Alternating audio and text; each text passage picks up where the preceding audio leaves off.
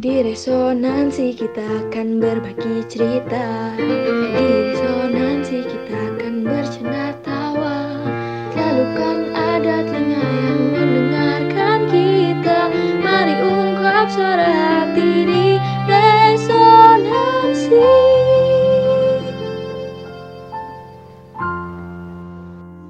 Halo guys, balik lagi bersama Resonansi Podcast ya. Kali ini malam ini gue take over nih, antara take over Resonansi Podcast. Nah hari ini tuh kita lagi bersama, eh, wah ini aktor, pokoknya kru-krunya yang kemarin itu kita, eh, mereka itu bikin film lah. Kalau boleh tahu nih ya, filmnya namanya apa sih? Coba ke Patrick dulu. Eh, bosnya nih, bos dari bosnya dari resonansi film nih. Halo, gue kok bos dari Resonansi Film, Patrick. Judul film kita An Angel Consume. Panjang ya? Itu nggak panjang sih. Hmm. Itu menceritakan tentang apa? Kasih kasih ininya, kasih apa? Kasih sinopsis lah, kasih sinopsis. Eh, ceritanya sesuai judul sih, literally sesuai Hmm. judul gitu. Itu kan judul kan An Angel Consume, artinya eh, seorang malaikat yang dikonsumsi gitu. Dikonsumsi maksudnya digerogoti, digerogoti oleh penyakit TBC. Kita emang bercerita soal seorang angel. Kenapa angel? Bukan angel literally datang dari surga, bukan ya? Bukan angel yang ada mal- malaikatnya, tapi maksudnya ya seorang gadis yang baik Hmm. hati gitu. Yang mana dia eh, akhirnya harus terpaksa buat ya itu ya berjuang melawan TBC itu di tengah kondisi pandemi COVID yang yang membuat mereka ter- lebih terlantarkan gitu, tidak tidak ter- terperhatikan seperti dahulu gitu. Yang ngomong-ngomong soal film ini, guys, yang belum tahu, mereka ini mengikuti lomba ya, lomba yang diadakan oleh Kemenkes ya, Kemenkes ya. Ya, Yang juri-jurinya itu kan. cabang eh, cabang dari Kemenkes lah. cabang dari Kemenkes. Nah, eh, Angel An Angel Consume ya. Eh, judulnya bahasa Inggris nih ya. Berarti aktor-aktornya pasti dari Eropa ya. Iya. Mesti- mesti jadi naturalisasi Eropa. emang Naturalisasi betul. Iya, Ya. impor Eh, semua. Impor semuanya ya. apa gue dari Wakanda kali Ya, nah ini eh perkenalin dulu dong kalian loh. Ini dengan atas nama Eka Mukti Sadana Yunus itu sebagai apa? Neisha Gustin sebagai apa? Mika sebagai apa? Dari mulai dari Eka dulu deh. Kelihatannya bling-bling sekali kamu hari ini. seperti ingin ditanya loh Tolong jangan jangan mengarahkan saya kepada kebotakan saya ya. Waduh. Sudah itu. ya, ya eh, kesempatan kali ini dikasih kepercayaan oleh produser jadi eh, aktor yaitu memerankan papahnya Alia. Jadi angelnya itu kan Alia, nah saya tuh papahnya. Oh, Mm, tapi keli- ya kamu kamu kamu sebagai bapaknya gitu ya. mm, papahnya Alia gitu. Baik, baik, baik. Kalau saya punya beberapa pertanyaan nih buat para pendengar juga. Sama nanti kan diupload di antara ya buat para viewer juga. Eh, men- dengan dengan kondisi fisik yang sekarang mungkin itu sulit ya kelihatannya untuk casting. Tadi dulu pertanyaannya ke siapa? Ke gua ke siapa? Iya betul betul. Oh, ke ke gua. anda ke anda. Kayak Jadi gagal fokus gitu ya. Ya mesti izin-izin sih. Kayak ke Nei kan, Hmm. punten ya gitu kan. Ini gini. Terus udah udah ada sentuhan ya kita langsung ini lagi cuci tangan lagi gitu aja sih paling kalau pas ya karena eh, gitu. menjaga protokol juga prokes kan di Ya. sedang pandemi Oh, iya, seperti benar, ini benar. gitu ya ya jadi selain selain aktor ya semua juga eh, pakai ini ya protokol kesehatan gitu Hmm, ya, Hmm. baik baik. Sebenarnya untuk Eka sendiri nih eh, ada kesulitan nggak? Apakah berpuasa 40 40 hari 40 malam atau 40 malam tidak ada hari-harinya? Malam saja apa seperti seperti seperti apa? atau atau atau mungkin emang sudah terbiasa berpuasa Itu dulu. Oh iya gitu. iya ya Iya. soal film yang sekarang berhubung udah lama nggak nggak main gitu ya Hmm. udah lama nggak main drama udah lama juga nggak dipanggil oleh Patrick untuk main Jadi memang kesulitannya itu rada grogi aja di awal gitu sama Ney gitu kan. Uh, rada kaku gitu ya Ney ya. Nanti Ney lah yang kasih banyak pandangan gitu. Gimana uh, apa ya berpartner dengan seorang Sedana Eka gitu dalam sebuah Hmm. ini gitu. Kalau saya sendiri sih ngerasa di 30 menit awal itu groginya masih masih kerasa gitu. Cuman berhubung diarahkan gitu kan. Ya, akhirnya terbiasa dan ya itulah hasilnya gitu ya. Semoga bisa memuas, memuaskan meskipun saya bukan alat pemuas gitu ya. Eh, bisa mencukupkan apa yang ditargetkan gitu. Baik, Gitu. baik, baik. Nah, buat Nesha nih sendiri. Kalau buat Mika bentar, bentar ya, karena lu gak kelihatan juga di filmnya. Kalem aja lah ya. buat Nesha gimana nih? Ada kesulitan nggak berpartner dengan Eka Mukti Sadana Yunus yang menjadi bapak dari Alia? Kamu Alia gitu kan ya? Gimana gimana? Punya kesulitan nggak? Kan biasanya gini ya, ada interaksi, misalkan udah deket-deket mukanya, cringy gitu nggak sih? Enggak sih. Mungkin maksudnya pas proses syuting kesulitan sih ada ya. Cuman kalau tadi pertanyaannya in regards um, karena partnernya Pak Eka gitu kayak enggak sih. Maksudnya kesulitan ada tapi bukan karena ketika berpartner dengan Pak Eka gitu. Maksudnya ya ya ya udah gitu biasa aja sebenarnya. Ada persiapan khusus nggak kira-kira harus puasa misalkan? Kan biar bucet gitu mukanya. Kan kebetulan Alia ini guys kalau yang belum tahu belum nonton trailernya. Eh, Alia itu yang pucet lah Bu. tapi baik. Iya, enggak pucat tapi baik. Baik, itu kan ada make up enggak sih. Persiapan sih ya banyak minum banyak tidur. Soalnya Hmm. suara harus keluar gitu biasanya batuk juga ya untung nggak darah loh yang keluar ya. Capek juga loh itu batuk. Iya iya iya. Nah untuk DOP ya, DOP ini Mika Mika Mika apalagi sebenarnya pegang core juga ya. Ini kalian berlima ini nggak kalian berempat sorry.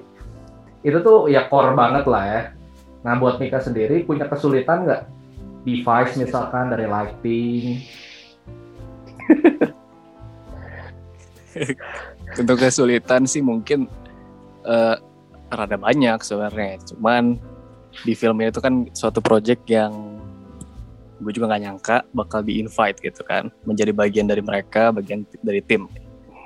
Nah, ya cukup asik juga gitu. Da- dalam justru dalam kesulitan itu yang membuat video ini tuh ketika kita beres buat itu jadi remarkable gitu, jadi memori memorable gitu. Jadi sesuatu yang dibuat dari alat kita seadanya tapi bisa Hmm. bisa jadi satu karya yang indah banget. Dan ya menurut gue itu salut juga gitu kan terutama dari casting castingnya. Kita juga kan dalam film ini ada yang namanya anak kecil juga kan dan di skripnya Ya, ya. itu lumayan rada susah. Nah di situ rada challenging juga dan di situ asiknya justru gitu dalam pembuatan film ini. Untuk kesulitannya paling cuman lighting karena kita waktu syuting kalau boleh ini ya sharing juga. Eh ada lighting yang fuse pecah Hmm. pas pembuatan Hmm. film. Dan justru itu dari scene, scene pertama lagi. Dan kita lumayan rada bingung cuman kita ada plan B juga dan it it works gitu. It work dan ya itu jadi malah lebih great gitu. Lebih bagus suasananya jadi lebih dapet lightingnya. Lebih profesional lagi. Dan ini film yang jujur gue sebagai kameramen pengalaman baru kenapa karena gue tektok sama sutradaranya dan itu pengalaman baru yang menurut gue indah Da- dari suatu karya ini tuh ada perjuangan yang sangat hebat Nah, Gitu buat, aja nah ini buat Patrick lah ya. Eh, gue udah sempat lihat juga, lihat lawan-lawan lu pada kan ngupload kan. Eh, apa yang apa ya? Gimana nih bahasa ini? Eh, apa yang membuat lu eh, dengan segala banyak yang bisa digali gitu ya, akhirnya memutuskan hanya dua peran dan kesulitan apa yang lu hadapi ketika eh, nulis-nulis skripnya itu? soalnya gini loh ya, in general TBC itu oh banyak banget kan. Kenapa harus seperti itu gitu? ceritanya gitu ya maksudnya bro. Iya, iya, iya. Em, untuk pemilihan aktornya sendiri memang dibatasi gitu kan. Tadi kita taat pro prokes ya kan. Itu sesuatu yang gue sebagai leader on set pengen pastikan ya semua orang paham gitu kan dan semua orang ngerasa aman. Itu dulu sih yang yang, yang utama gitu ya. Meskipun terdengar cukup farfetch juga gitu ya kedua em, kenapa milihnya TB paru gitu ya? Ini ini asal tahu aja kita Hmm. milih TB paru bukan TB tulang atau yang lainnya karena itu salah satu bentuk yang paling parah gitu ya. Yang mana biasanya itu yang eh, ngambil perhatian banyak orang di dunia tuh biasanya ya kalau disebut TB aja eh, rata-rata orang pikirnya itu TB paru gitu. Dan secara visual juga itu lebih apa ya lebih gampang digambarkan juga gitu kalau boleh jujur batuk berdarah tadi sesak nafas gitu gejala-gejalanya yang semua orang pasti mungkin pernah rasain ya eh, regardless mereka punya TB paru atau enggak gitu. Mungkin orang-orang ada yang punya asma atau yang kalau olahraga olahraga cepet capek gitu ya rasanya kurang lebih mirip gitu kan. Jadi pas gua menunjukkan ya misalnya si Alia itu batuk-batuk gitu ya eh, berdarah ataupun tidak ya gue pengen orang ngerasa ngerasain eh, kesakitannya dia gitu loh. Meskipun ya nggak literal tapi ketika ngelihat gitu ya orang acting tadi gue pengen orang-orang ngeras ikut sama sesak-sesak sama dia gitu. Ketika dia gasping for air ketika dia minta tolong gitu ya mata mat, matanya tuh eh, meminta tolong tadi gue pengen orang ngerasa itu juga gitu. Dan gue pikir dari segala jenis penyakit TB ini yang paling cukup memprihatinkan gitu. Dan gue juga cukup concern di bidang itu kebetulan gitu kan. Em, bagaimana ya sayang sekali gitu ya kalau orang baik eh, kena TBC gitu kan. Ketika mengkontraksi juga bukan karena misal ngerokok atau sebagainya tapi karena melakukan hal yang baik dia harus mohon maaf meninggal gitu. Karena ya tenaga kesehatan atau apa namanya ya sistem di luar sana jadi kurang memperhatikan mereka. Karena terserap semua perhatiannya ke pandemi ini gitu. Jadi concernnya adalah ya itu harus diperhatikan tapi ini juga jangan dilupakan gitu kan. Ada yang nggak terjawab Ya, nggak ya apakah- pertanyaan gua? Tapi ini nih gue mau nanya. Tapi apakah Alia meninggal? meninggal gak ya Meninggal nggak ya? Nah, nah itu lo kudu cari tahu sendiri kok iya sih benar-benar. Buat teman-teman juga iya gua mm, gua nggak akan kasih tahu harus cari tahu sendiri. Hmm. Ya nanti Dan kita juga gini kasih ya. Gimana gimana gimana. Dan juga gini, eh, di dalam film ini tuh walaupun pendek ya, shortcut Hmm. dan maksudnya ini kan bukan film yang berapa lebih dari 10 menit sampai setengah jam mungkin ini kan di wrap sangat eh, tight kan di dalam 7 menit ini kan. Dan satu hal yang buat gua sama sutradara juga sus- susah untuk buatnya itu adalah kita tuh nggak pengen film kita itu terlihat seperti sinetron gitu. Di mana sebelum pembuatan film itu scene demi scene kita selalu evaluasi sama ya itu dia gitu kita meng- menggunakan teknik-teknik lain dan ya menurut gue itu cukup menarik sih. Itu yang membuat eh, ketika gue lihat kompetitor kompetitor lain ya mungkin ya dari gue sendiri sih ya itu mungkin poin plus. Cuman ya nggak tahu kan. Leave itu juri lah gitu. Ya begitu. Cukup arogan ya Anda ya. bukan hanya arogan tapi juga optimis gitu Gak cuman eh, mungkin ya itu dia. Mungkin audiens juga kan mungkin penasaran kan langsung nonton aja gitu kan. Dari situ kita gua juga pribadi banyak belajar juga lah untuk take demi take gitu. Ya justru itu misterinya di sini adalah apakah Alia akan selamat gitu loh. Ya. jadi buat anda yang belum hook gitu yang belum tertarik gua kasih tau aja Alia ini benar-benar bidadari lah gitu kan seperti yang judulnya janjikan gitu loh. Lo kalau ketika lihat Alia lu bakal percaya wah dia itu sangat apa ya dia harus survive gitu. Lo akan ngarah ke sana. Tapi ya apakah bisa? Eh, ya harus ditonton sendiri gitu. Kalau bisa selamat itu Apa- kenapa? Apakah karena papahnya di sini? Atau karena ada mujizat jatuh dari langit? Itu kan harus dicari tahu gitu. Kan justru unsur menariknya di situ. Gitu kok kalau ini bapaknya gimana? Ini tanggapan dari bapak ya Ya, saya sebagai bapak sih ya eh, sangat tidak rela ya anak saya harus berkorban demi orang lain yang mana menyebabkan dia mengalami satu penyakit yang ya bukan bukan karena dia sembarangan hidup ya, tetapi untuk sesuatu prinsip yang dia anggap baik dan benar. Jadi di satu sisi as a father gitu ya di film itu ya saya sangat bangga dan ya saya juga mengizinkan gitu. Tapi di akhir pada saat Arya mengalami kondisi itu saya merasa rada nyes- nyesel gitu bro.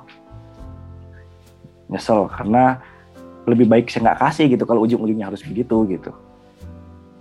Ya orang tua mana yang akan rela melihat anaknya tertular penyakit sampai kehilangan anggaplah kehilangan masa muda gitu ya kan harusnya mungkin Alia itu nongkrong gitu ya atau melakukan hobi kayak anak-anak lainnya. Dia malah ya ngerepotin saya lagi gitu loh Al. Kamu tuh Al udah gede masih ngerepotin papa papa tuh udah ngurus dari kecil ya kan? Nah tapi ya gitulah kurang lebih kira-kira perasaan saya pada saat memerankan eh, papahnya Alia gitu. Sepertinya masih terbawa ya sampai sekarang ya. ya kan di- di- ditarik lagi perasaan itu supaya pada saat ngomong lebih enak gitu Oh, iya, iya. kan seorang aktor itu begitu gitu loh bro Wanjay, gila. Gue nggak tahu sih.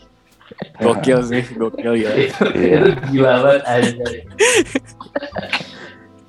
nah buat Tasya nih, kayaknya kalau gue udah nonton ya, eh, lu cukup ini ya, cukup apa ya, cukup berat lah maksudnya ya. Eh, lu lapar gak sih waktu lu film?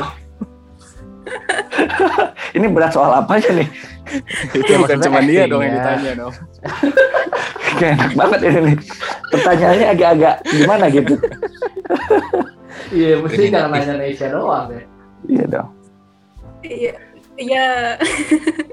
Gimana? Nggak, soalnya gini loh, ya pas gue nonton tuh lu kayaknya berat banget gitu. Hmm. actingnya gitu jadi menguras semua energi yang gue Iya, tanya iya, tuh iya. lapar nggak lu tengah jalan lapar sih. Cuman gini sih, aku aku sendiri sih, eh maksudnya nggak tahu ya orang lain, nggak tahu Pak Eka gimana. Cuman kalau buat aku sendiri shooting atau maksudnya khususnya di eh, kasus aku acting gitu, eh, itu tuh satu hal yang di samping dia sangat menguras energi, dia tuh juga kayak ngasih energi gitu loh, dalam bentuk kayak seneng gitu, puas gitu atau gimana gitu. Jadi biasanya eh ya capek, tapi se- selama proses syutingnya itu nggak nggak kerasa biasanya si capeknya tuh. Biasanya kerasanya kayak pas sudah selesai gitu, apalagi pas sudah pulang gitu, rasanya tepar aja gitu ke kasur. Cuman ya gitu sih, kayak rewarding aja gitu, rasanya senengnya tuh atau puasnya gitu. syukur Pet ya berarti nggak ada yang bahas soal Hawkband ya ya soal ya kita next lanjut kita lanjut karena souvenirnya ada di rumah gua dua biji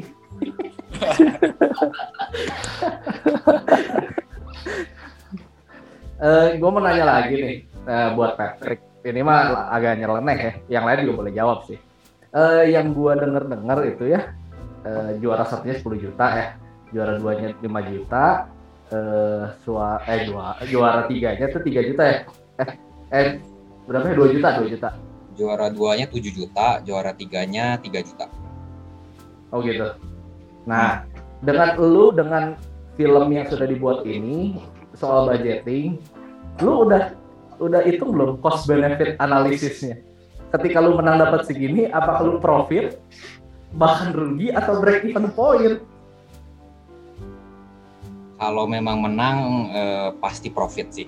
Cuma kalau makin menang yang tinggi eh, lebih gede lagi gitu profitnya. Hmm, Kalau menang ya. kalau menang oke. Walaupun juara tiga tetap profit ya. Eh, tetap jadi kebayang ya murah banget ya mau film ini ya. Nggak nyampe 3 juta berarti kan masih di bawah. Puji Tuhan. Berarti eh, buat teman-teman yang nonton, saksikan lagi ya webinar investasi kita ini. Eh, buat Tapi gini, tapi gini, tapi gini. gimana gimana gimana. Eh, ini kita buat film itu bukan tentang menang atau kalah gitu. Walaupun tapi Emang kalau ada menang- kalau hadiahnya. menang seneng gitu Ber- eh, keluar Iya. dari mulut seorang arogan ya. iya begitu. Bukan soal menang dan kalah ini, soal juara. ya enggak lah, ya sama Cuma aja ini dong. pengalaman, ini pengalaman karena eh, jujur eh, kita juga nggak tahu kan penilaiannya dari apa gitu kan. Cuman kita minta dukungannya juga dari film ini. Ya semoga bisa eh, jadi pelajaran juga untuk kalian gitu kan. Karena itu emang dari kita buat video itu film ini tuh emang untuk preventif gitu. Untuk Ya. itu mengingatkan masyarakat juga. Gitu. Mhm. Karena sebenarnya gini sih, eh, kadang tuh kita yang di hidup ya, kadang tuh ada yang ada yang sama pentingnya di hidup. Ini. Tuh tapi kitanya ngabain gitu. Padahal sama-sama aja sebenarnya. Kalah sama yang trending lah gitu. Ya kan gitu kan ya. Ya maksudnya maksudnya keren juga sih. karena gua nggak nyangka juga adik gua ini Mika bisa serius gitu. karena jadi hebat lah gitu belum tahu aja deh belum pernah datang ke set kan kok Iya. Tapi gue sih mau menanggapi ya secara sebagai seorang aktor ya. Eh, jadi memang beliau punya ini kalau kalau lagi megang kamera itu auranya berbeda bro. Jadi langsung Hmm. dia bisa menempatkan ininya perspektifnya gitu ya. Udah gitu juga bisa mengarahkan ter- terlebih kepada aktor eh, yang dia mau ambil itu seperti apa. Nah itu kan memudahkan ya. Hmm. ya kan- bagus dia bisa take over kerjaan Ya. sutradara dia ya, bisa take over itu penting gitu dan ya kita tuh kerasa banget soal kerjasamanya ya bagaimana mm, bagaimana Patrick dalam hal ini nolongin gitu kan eh, mengarahkan tujuannya seperti apa gitu kan. Kemudian secara eh, di lapangannya Mika lebih banyak berperan ya bro ya. Udah gitu juga ya koordinasi sesama aktor juga oke gitu. Jadi ujung-ujungnya nih berharap ya semoga tim ini tetap bisa bertahan ya bro ya. Tetap untuk bisa garap eh, terjaga. eh, proyek-proyek selanjutnya gitu. Hmm. Cuma nanti mau mau minta dari sekarang nih ke saudara tolonglah jangan dikasih peran bapak terus ya. Enggak Emang bercanda. bapak-bapak jadi ibu ibu ibu enam. iya kecuali mau gitu make up kasih wig Eh, eh, soal-soal ini gue mau bahas soal chemistry nih. Kalian kan eh, ini btw proyek keberapa bareng-bareng deh dengan rooster yang sama. Em, makanya misi Pak Eka Nggak. eh, ya. jadi kalau sama Nei kayaknya udah keempat gitu ya Hmm. sama Mika mungkin ke keempat juga ketiga atau keempat ya Pak Eka mungkin ketiga gitu jadi eh, gua sih setelah apa ya ini kolaborator konsisten gitu tapi eh, nggak barengan tim ini terus gitu loh suka ada rolling rollingnya gitu loh Karena gini loh, gue tuh cukup ngikutin ya sutradara kita ini, eh direktur kita ini. Eh, Patrick itu udah beberapa kali kan, buat kalian yang belum tahu, banyak banget proyek filmnya. Ada satu film namanya Serigala. Itu lucu sih. Kok jadi lucu ya? Perasaan itu bukan komedi genrenya. buat gua itu eh, Eka ini udah improve sekali gitu Eh, si actingnya jadi luar biasa ya maksudnya saya salut sebagai sahabat kamu hebat sekali Weh, itu itu faktor Nei aja. kayaknya. Faktor Nei itu. kayaknya. raket nyamuk Oh iya benar. ya ya. nah jadi jadi di sini tuh kelihatan banget dari pengalaman pengalaman kita yang dulu juga banyak perubahan-perubahan eh, dari cara acting juga tidak Hmm. over overact gitu-gitu dan Ya. semuanya koordinasinya udah oke gitu jadi di project ini semuanya udah better Ada dua sih. Jadi yang pertama itu eh, memang belajar baca skrip kalau di yang sebelumnya. Jadi gua baca terlalu apa adanya gitu karena nggak nggak lihat gimana sih baca skrip itu. Jadi mungkin dianggapnya kayak baca koran atau kayak baca buku biasa gitu. Terus yang kedua yang sangat menolong itu eh, lihat nih gitu mainnya udah bagus jadi kayak ada motivasi ya duh jangan ngerepotin gitu sih yang lain jangan jangan jadi lama gara-gara gua gitu kan itu yang jadi pemikiran. Yang memaksa harus adaptasinya jangan lama gitu. Meskipun ya memang masih agak lama gitu. Dibanding Ney yang udah pro ya Ney ya.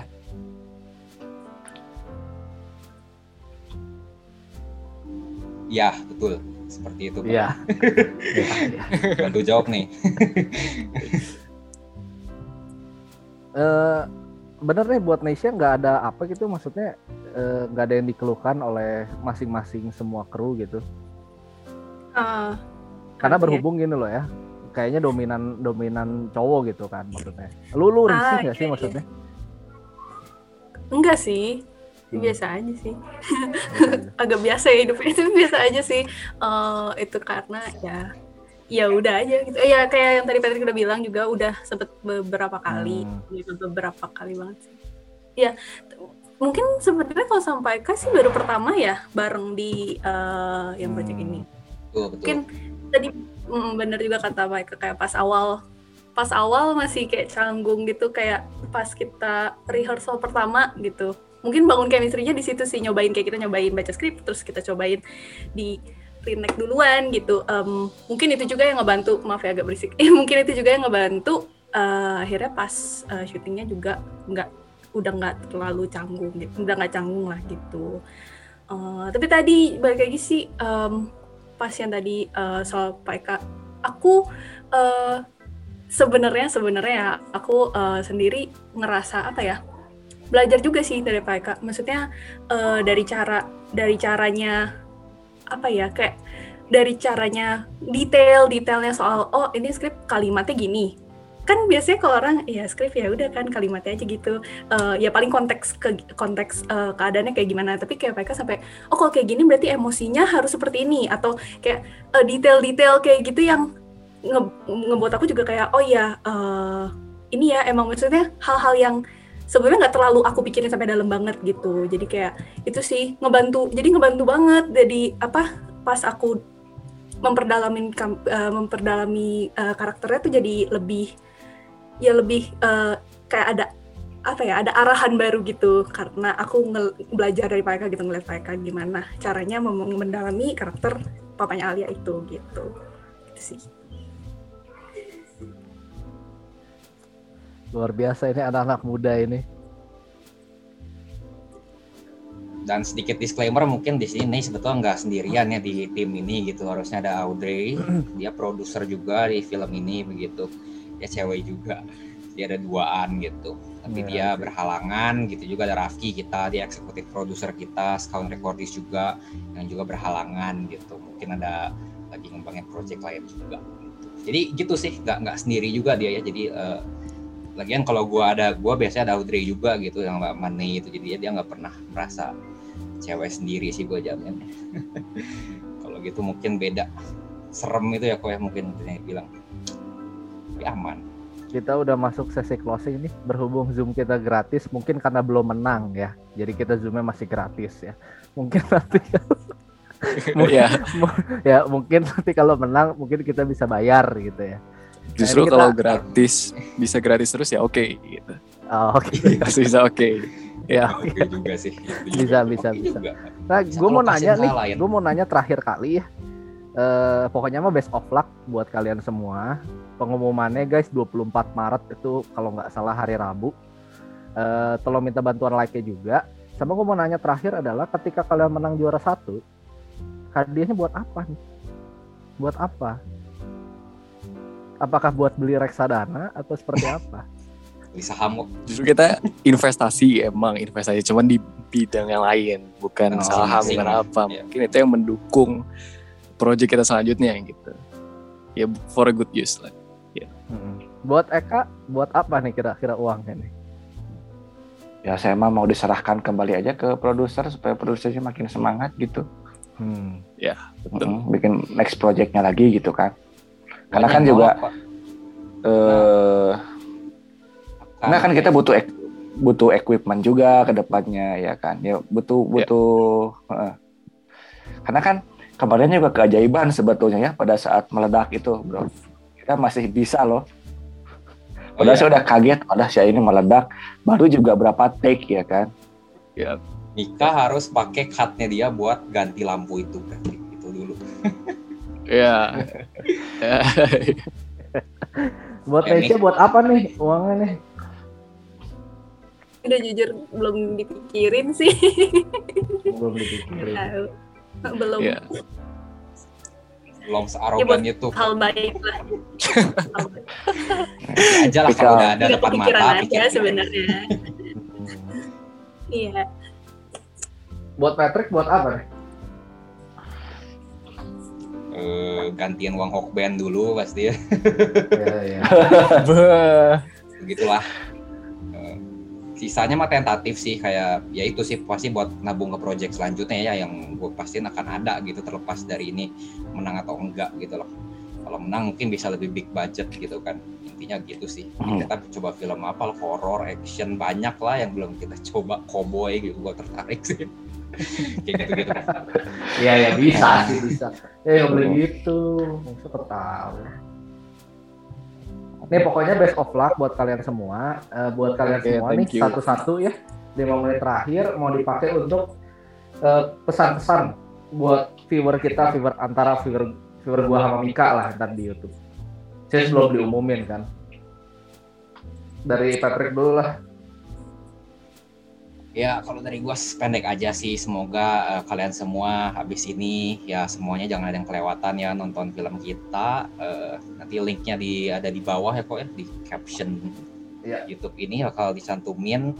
Ya, semoga kalian enjoy, merasa terhibur yang pertama dan yang ter- terlebih lagi ya tersentuh dan ya termotivasi lah gitu untuk pakai hidup lu gitu kan. Eh, apa ya jangan disia-siakan gitu kan karena nggak semua orang istilahnya yang berusaha sehat bisa sehat gitu. Apalagi lu yang misal eh, ya tidak hidup sehat gitu ya.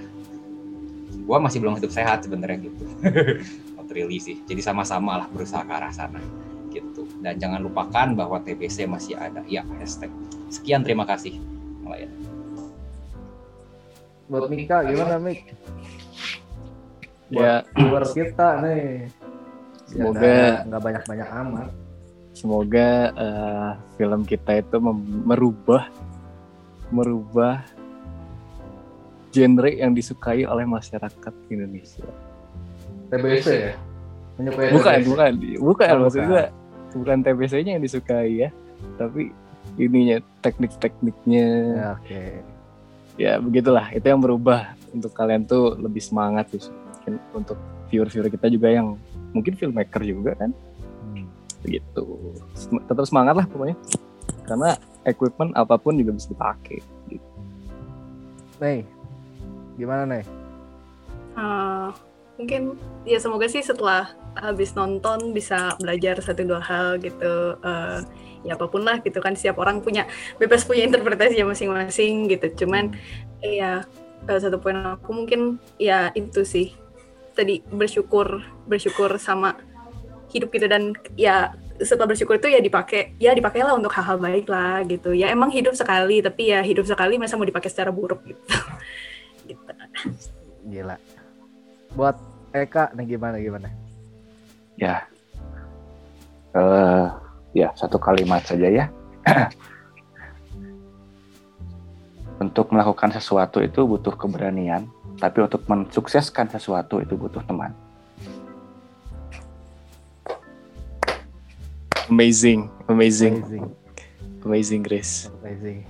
Jadi thank you sudah menjadi teman saya dalam pengerjaan ini dan ya mari kita sukseskan apa yang menjadi visi dari Kemenkes ini ya. Yap. Mana ujung-ujungnya kan kesadaran ya, mem- membangun kesadaran gitu. Sudah di penghujung acara guys. Pokoknya buat kalian-kalian yang nonton eh, meeting ini nih, jangan lupa juga nonton filmnya. Nanti kita bakal cantumin di bawah di caption. Ya pokoknya lihat aja Instagram pribadi juga lah. Pasti kita share-share gitu ya. Karena so far eh, walaupun gua nggak ikut di film, ada satu komputer bikin gua gedek juga gitu. Jadi harus wah like mah harus buruan lah kasih-kasih aja ke eh, inilah kayak kita punya project gitu. Nah, gitu.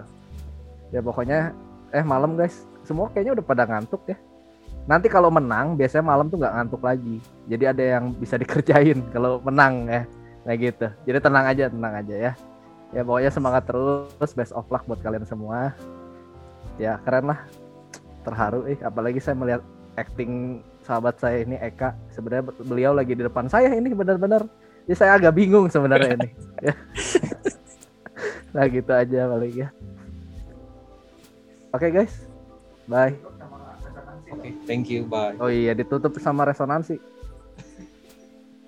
Resonansi Cerita satu kan kita. kita Bye, thank you, dadah. goodbye guys Goodbye.